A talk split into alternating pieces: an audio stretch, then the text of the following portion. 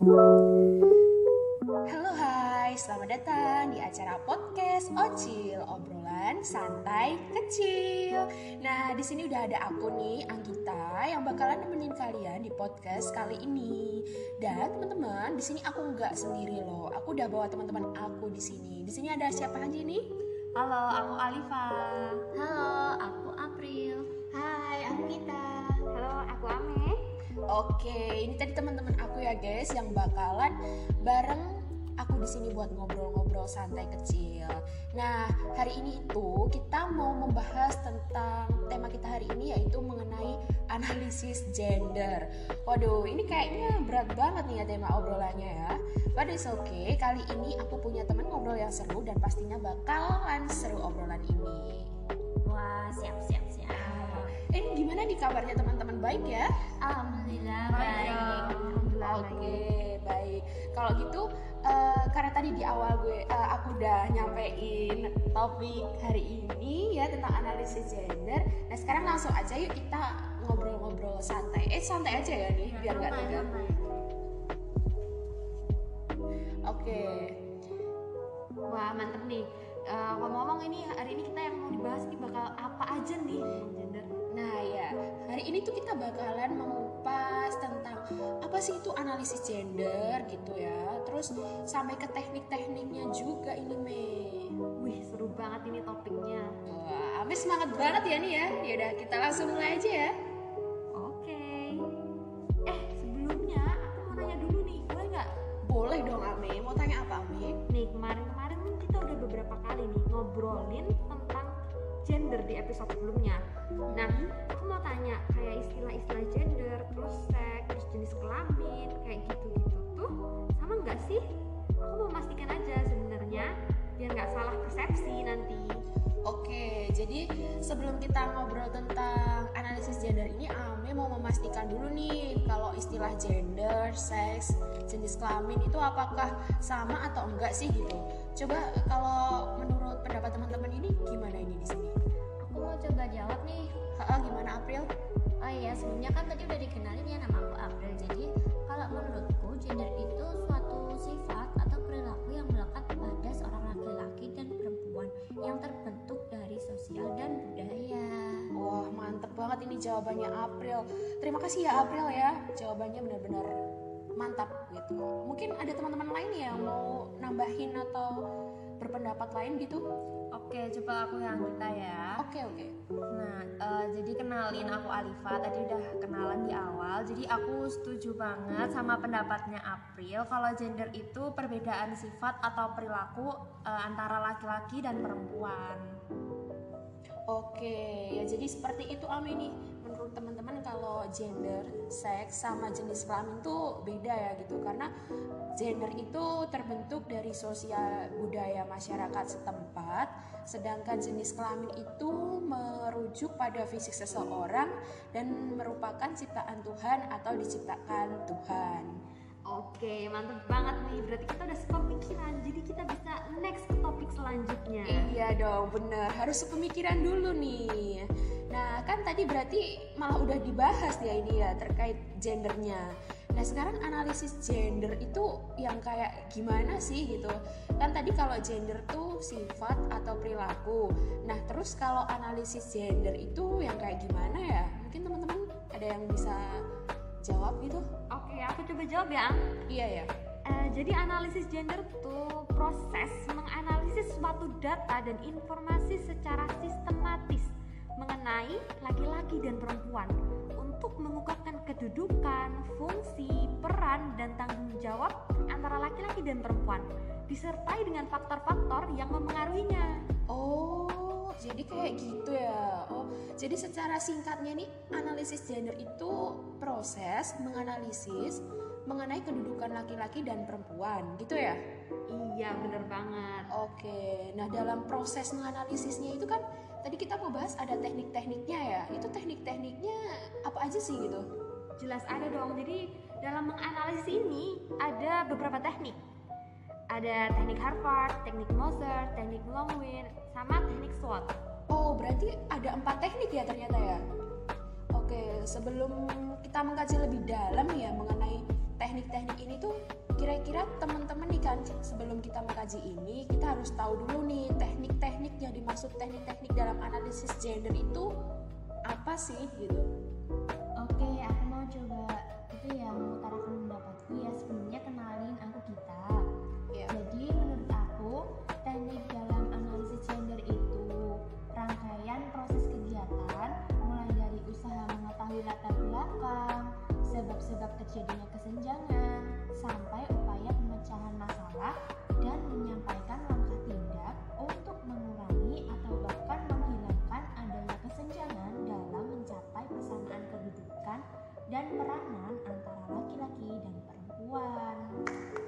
Iya, bener banget nih kata yang kayak kayak kita, bener banget. Wah, lengkap banget ya.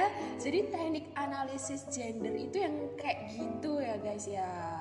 Oke. Oh ya, aku mau tanya nih. Iya, April. Tadi kan disebutkan ya salah satu tekniknya yaitu teknik Harvard. Nah, aku penasaran teknik Harvard itu kira-kira yang seperti apa ya? Oke oke, pertanyaan yang keren banget nih April. Jadi hari ini kita mau tuntas nih mengenai teknik analisis gender. Eh, tapi mungkin kita dua top dua ini aja ya, dua teknik analisis ya. Kita mau bahas mengenai model Harvard sama model Monster aja ya. Oke? Oke, oke, oke. Oh, tapi itu tekniknya hampir sama gitu apa gimana ya, Ame ya? Uh, sebenarnya ada beberapa perbedaan antara dua teknik ini. Jadi ya kita sesuaiin kebutuhannya itu permasalahan itu kebutuhannya diselesaikan dengan teknik yang mana gitu. Mari kita bahas ya. Oke, Ame. Oke, silahkan Ame. Uh, jadi kita mau bahas dari teknik yang Harvard dulu ya teman-teman. Oke. Oke, siap. Jadi teknik Harvard ini melakukan pengkajiannya itu dengan perspektif gender pada masyarakat di institu- institusi terkecil gitu, yaitu adalah keluarga yang kemudian diperhatikan dalam analisis Harvard ini tentang peran gender atau aktivitas-aktivitas laki-laki dan perempuan baik aktivitas produktif maupun reproduktif. Aktivitas produktif itu aktivitas yang menghasilkan income, sedangkan aktivitas reproduktif itu aktivitas yang tidak menghasilkan income seperti aktivitas-aktivitas rumah tangga. Nah, Harvard ini melihat unit analisisnya adalah keluarga. Jadi kalau kita lihat siklusnya, maka dia uh, melihat pada profil kegiatan, profil kegiatan laki-laki dan perempuan. Mulai mulai dipetakan apa sih kegiatan yang dilakukan laki-laki, apa sih kegiatan yang dilakukan perempuan, seperti itu. Jadi profil kegiatan antara laki-laki dan perempuan. Terus yang kedua adalah Harvard ini menyediakan tools berupa akses dan kontrol terhadap sumber daya yang dimiliki. Jadi akses dan kontrol terhadap sumber daya yang dimiliki suatu keluarga kayak misalnya keluarga itu memiliki toko, memiliki perkebunan, pesawahan. Nah, Harvard, eh, pada penelitian Harvard ini menyediakan tools mengenai akses dan kontrol terhadap sumber daya tersebut. Jadi siapa saja yang memiliki akses, siapa saja yang memiliki kontrol seperti itu. Lalu tools yang ketiga dari data terpilih tadi ini menghasilkan faktor apa saja sih yang mempengaruhi eh, yang mempengaruhi profil kegiatan dan akses tadi. Ini menjadikan solusi dasar untuk menemukan kira-kira kegiatan apa yang pantas dilakukan untuk keberhasilan program tersebut.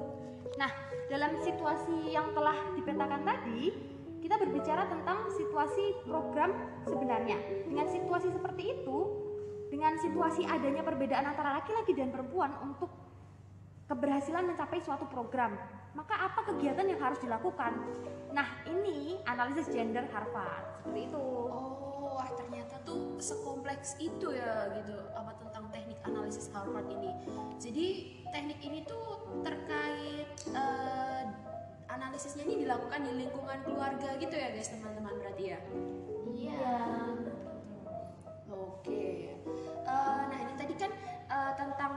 Analisis eh, Harvard ya. Nah mungkin yang teknik Moser nih dari teman-teman ada yang mau bagi-bagi ilmunya gitu? Oke, coba ya aku mau eh, mengutarakan pendapat tentang teknik Moser gitu. Nah, teknik Moser itu latar belakangnya itu dari pembangunan yang tidak adil dari perspektif gender, kelas, kelompok etnis, perempuan dari kelompok pekerja miskin. Nah, teknik ini itu menyodorkan konsep kebutuhan praktis dan strategis. Jadi secara singkatnya itu kerangka ini tuh kayak e, menawarkan pembedaan antara kebutuhan praktis dan strategis dalam perencanaan pemberdayaan komunitas e, serta berfokus pada beban kerja perempuan. Oh ya, oke oke oke. Jadi teknik Moser itu lebih ke kebutuhan ya Iya, berarti ya? betul kayak gitu. Oh, Oke oke. Uh, terus juga uh, teknik Mauser itu juga ada tiga kerangkanya nih Anggita. Oh iya, kerangka apa itu Arifah? Kerangkanya itu ada yang pertama itu peran lipat tiga atau triple roles perempuan pada tiga aras. Jadi itu ada kerja reproduksi, kerja produktif, dan kerja komunitas. Jadi itu kayak berguna buat pemetaan pembagian kerja gender dan alokasi kerja. Terus yang kedua itu um, berupaya untuk membedakan antara kebutuhan praktis dan strategis bagi perempuan dan laki-laki.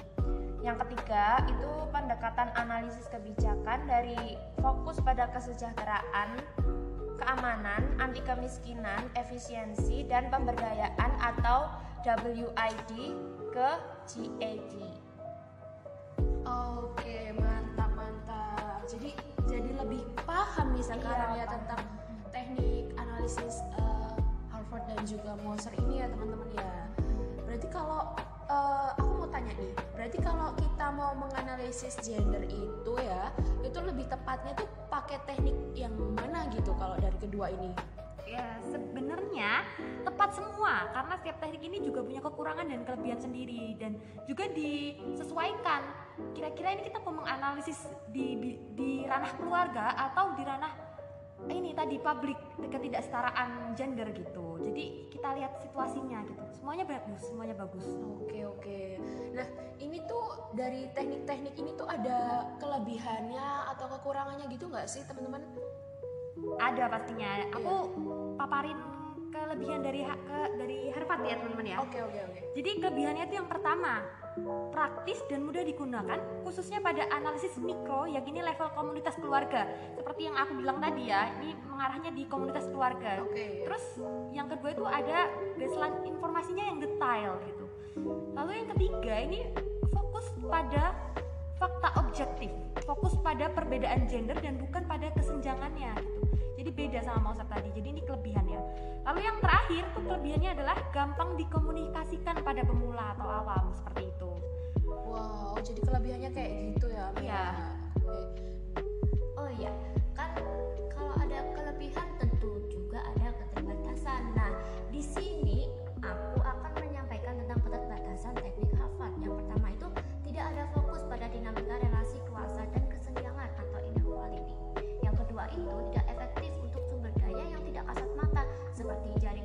sosial dan sosial capital.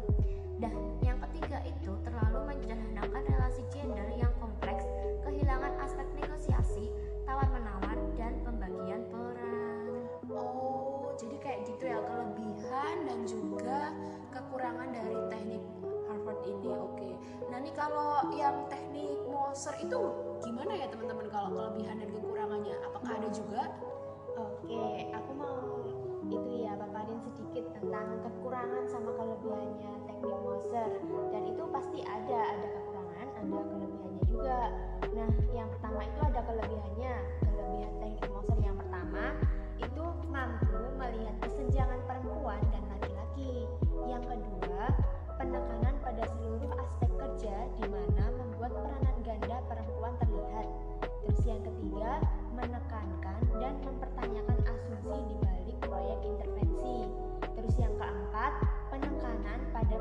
Perbedaan antara memenuhi kebutuhan dasar praktis dengan kebutuhan strategis.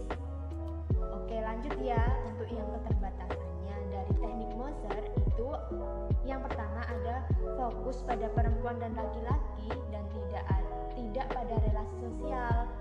Terus yang kedua, tidak menekankan aspek lain dari kesenjangan seperti akses atas sumber daya. Terus yang ketiga, jika ditanyakan, perempuan akan mengidentifikasikan kebutuhan praktisnya. Menemukan ukuran kebutuhan strategis itu sulit.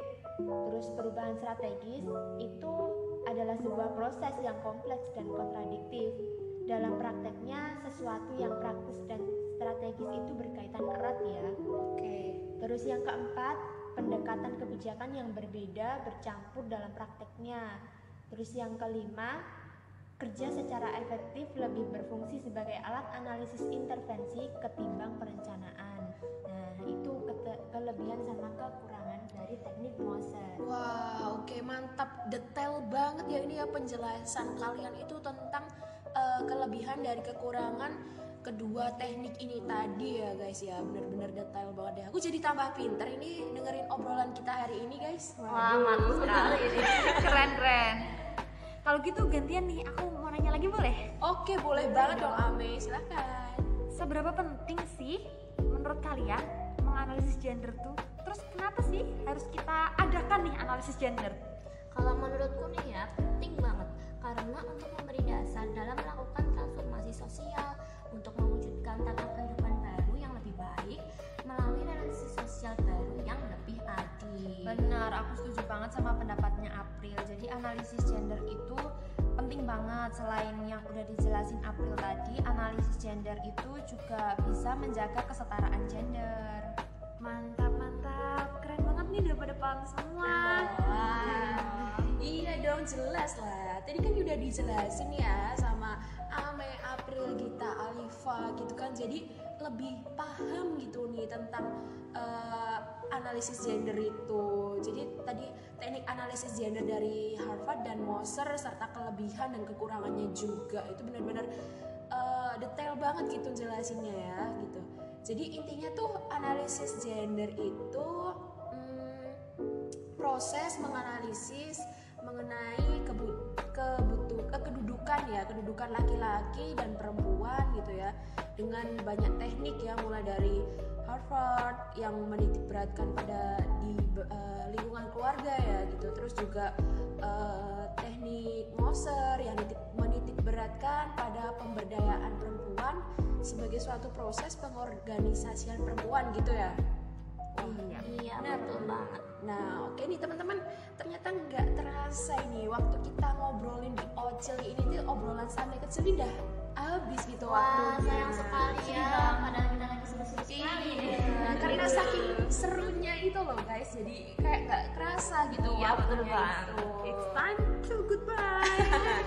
iya, sudah waktunya untuk mengucapkan selamat tinggal gitu ya, karena eh, podcast kita harus kita akhiri gitu. Jadi aku mau ngucapin terima kasih nih sama teman-teman eh, ke Ami, eh, Gita dan April, juga Alifa gitu ya. Terima kasih banget nih udah gabung di podcast Ocil hari ini, udah sharing ilmu tentang analisis gender gitu. Semoga ilmunya itu ya bisa kita terima dan kita amalkan di kehidupan kita sehari-hari. Amin. Oke. Amin. Oke, sukses terus ya buat kalian dan uh, see you next time. Bye.